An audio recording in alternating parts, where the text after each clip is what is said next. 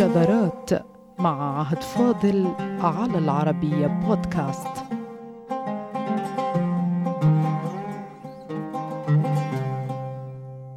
بدأ الشعر بملك وختم بملك. عبارة طنانة رنانة لا يملك سامعها إلا الانسحار بمضمونها ففيها ملكان اثنان لا ثالث لهما. الأول بدأ الشعر به والثاني انتهى إليه.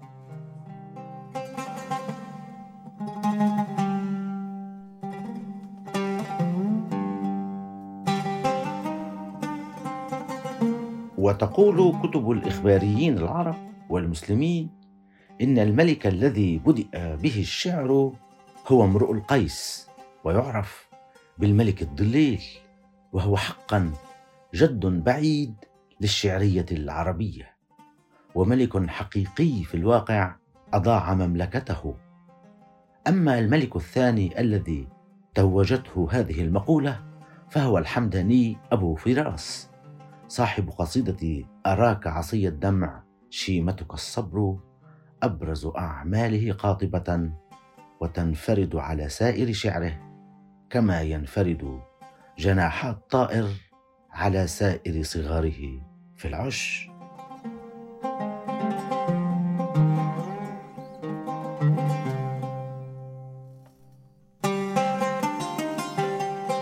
لكن من نصب هذين الملكين على عرشيهما كذا دون أن يعبأ بأن ثمة من يطلب هذا الملك لنفسه وينازع فيه سواه. فإذا لم يختلف الناس على أن الشعر العربي بدأ بملك فمما لا شك فيه هناك من سيطلب ذلك الملك لنفسه خاصة إذا كان سيختم به. فمن هو صاحب هذه المقولة واسعة الانتشار. حتى صارت أشهر من نار على علم. بل لماذا قالها أصلا؟ وأخيرا هل تعكس الحقيقة والواقع؟ أم أن وراء الأكمة ما وراءها كما كان يقول أجدادنا العرب؟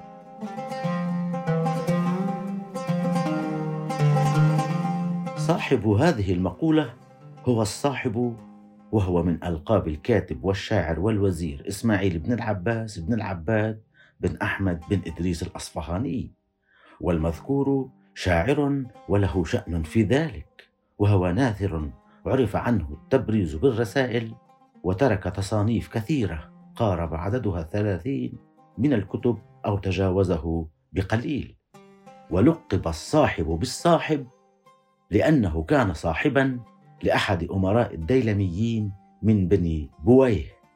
أولئك الذين أقاموا دولتهم على أنقاض دولة بني العباس في بغداد في ثلاثينيات القرن الرابع للهجرة بعدما كان الأتراك قد مخروها مخرا وأفقدوها هيبتها وأذلوها فبزهم بنو بويه واستولوا هم على الخلافة العباسية بل أوقعوا فيها كل إهانة ومذلة وما فعلوه بالمستكفي بالله خير شاهد على تلك الفاجعة السياسية التاريخية. إذ وصلوا من النفوذ محلا خصصوا فيه هم مرتبا للخليفة مع أنهم عمال عنده.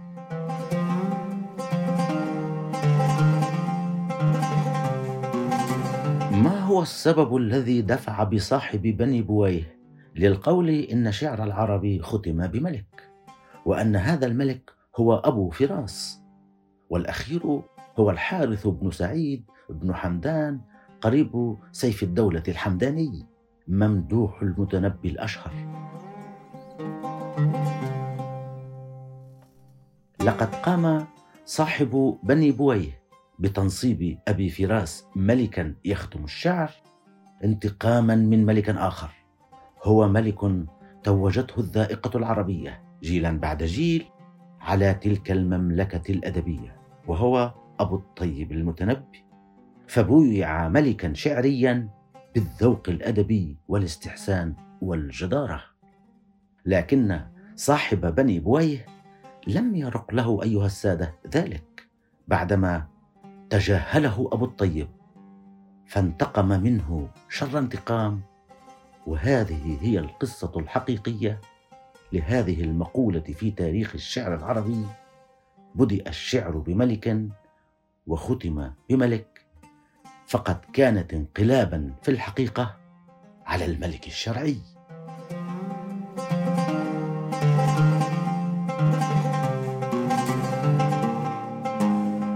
بين ولادتي صاحب بني بويه والمتنبي نحو من ثلاثة عقود.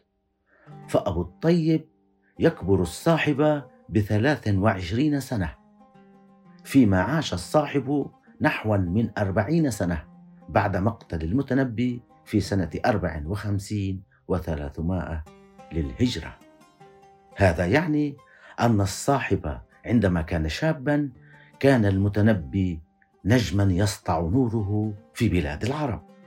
بل إن المتنبي عمليا كان في أواخر عمره ووصل من الشهرة أن يطمح الملوك والأمراء والقادة ليمدحهم في شعره أو يذكرهم في قصائده ومنهم صاحب بني بويه الذي كان شابا يترصد حركة المتنبي ويترقب أخباره طمعا بلقائه للظفر بمدائحه إلا أن أبا الطيب ما اهتم له ولم يستجب لدعوته ولم يقم بزيارته فقامت قيامة صاحب بني بويه وبدأ لهيب الانتقام يتأجج في صدره منذ تلك اللحظة.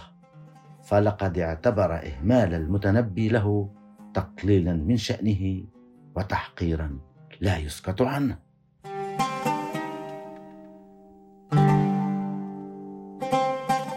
اتخذ الصاحب قراره بالانتقام من المتنبي بغير طريقة. فانقلب عليه فألف كتابا يطعن بأبي الطيب سماه الكشف عن مساوئ شعر المتنبي. بعدما كان قد كاتبه مراسلا له ليطمعه بزيارته ونيل رضاه ومدحه إلا أن أبا الطيب لم يقم له وزنا. العبارة التي نقلتها مصنفات اللغة العربية بالحرف الواحد. لم يقم له وزنا.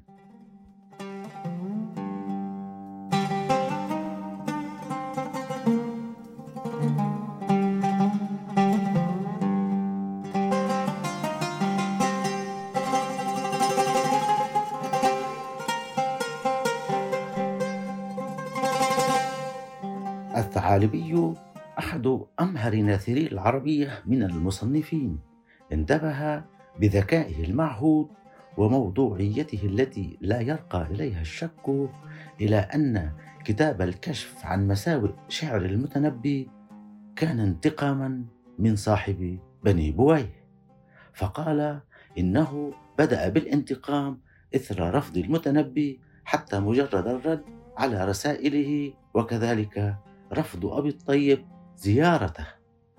وقال الثعالبي بناء على ذلك كله فاتخذه الصاحب غرضا يرشقه بسهام الوقيعة ويتتبع عليه سقطاته وهفواته في شعره وينعى عليه سيئاته وهو أعرف الناس بحسناته وأحفظهم لها وأكثرهم استعمالا إياها وتمثلا لها في محاضراته ومكاتباته ويستشهد الثعالبي ببيت شعري يوضح فيه ما فعله الصاحب بالمتنبي من طعن على الرغم من أنه ينهل منه فيورد هذا البيت. وذموا لنا الدنيا وهم يرضعونها ولم أرك الدنيا تذم وتحلب. لكن هل انتهى الانتقام؟ فبردت نار الصاحب بكشفه عن عيوب شعر المتنبي والتشنيع عليه.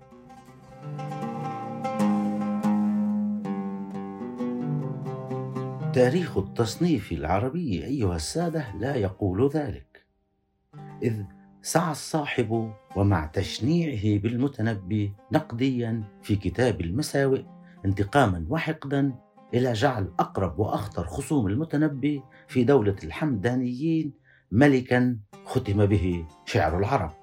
وهذا الملك هو أبو فراس الخصم العنيد والأشهر لأبي الطيب والذي كان لا يتأخر لحظة واحدة عن الطعن بالمتنبي في وجهه وبحضور سيف الدولة. وهي قصة طويلة ومن محققات التراث العربي غير القابلة للطعن في أي شكل من الأشكال.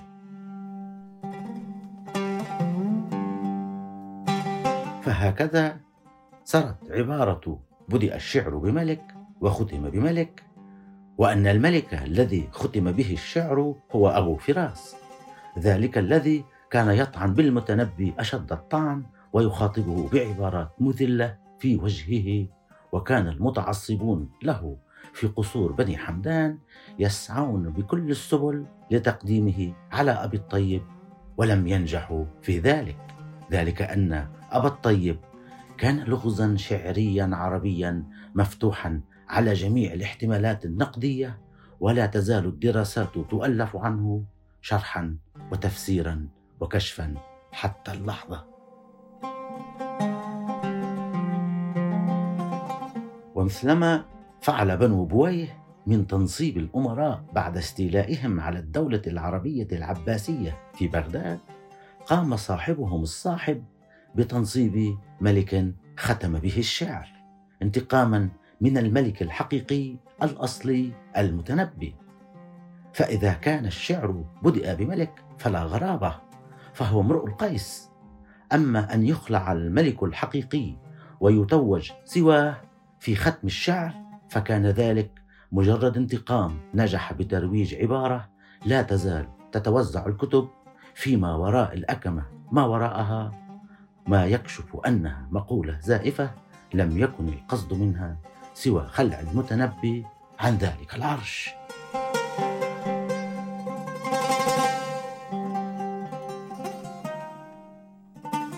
هذا كله دار في بال الثعالبي.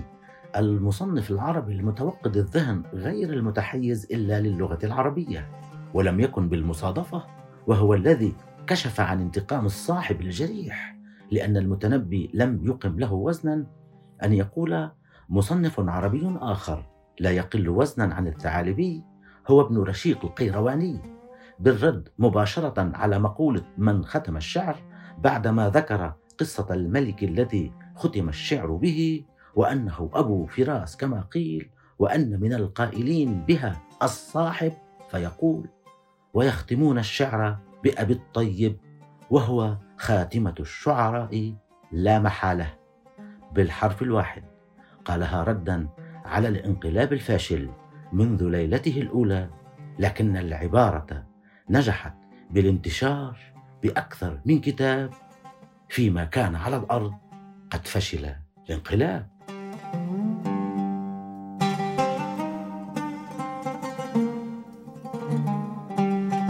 وآخر دليل على سعي الصاحب لإخماد ذكر المتنبي والانتهاء منه بالكامل ما نقلته مصنفات عربية عن بعض أصحاب الصاحب. فدخل إليه فرآه واجما مهموما وكانت أخت الصاحب قد ماتت في تلك الفترة. فظن صديق الصاحب بأن الصاحب حزين على فقد أخته فعزاه وسلاه فزجره الصاحب بقوله ويحك! ما وجومي لأجل ما ظننت وأكمل بقوله إنه يغيظني أمر هذا المتنبي واجتهادي في أن أخمل ذكره. ثم يوضح أن كل رسائل التعزية التي وصلته بأخته كانت مفتتحة بشعر الرثاء قاله المتنبي. يعني خلعه عن عرشه فعاد فبرز له بين يديه في عزاء أخته. حقا حقا إن آلام الصاحب لشديدة لا تحتمل.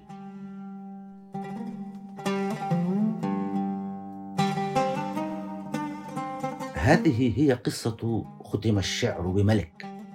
هي انقلاب أدبي غير مسلح في الواقع وخلع للملك الأصلي الذي لم يتأخر دقيقة واحدة عن استعادة سلطانه.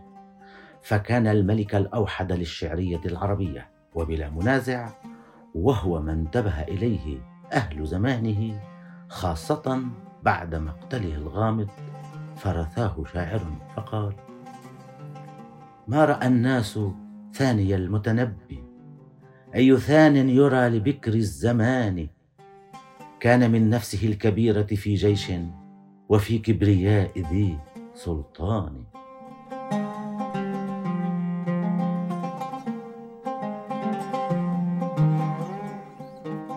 إلا أن المتنبي أيها السادة كان قد نصب نفسه منذ زمن بعيد ملكا كما لو أنه التقط بحدسه الشعري أن ثمة من سينصب ملكا سواه على ذلك العرش الأعظم في قلب كل عربي.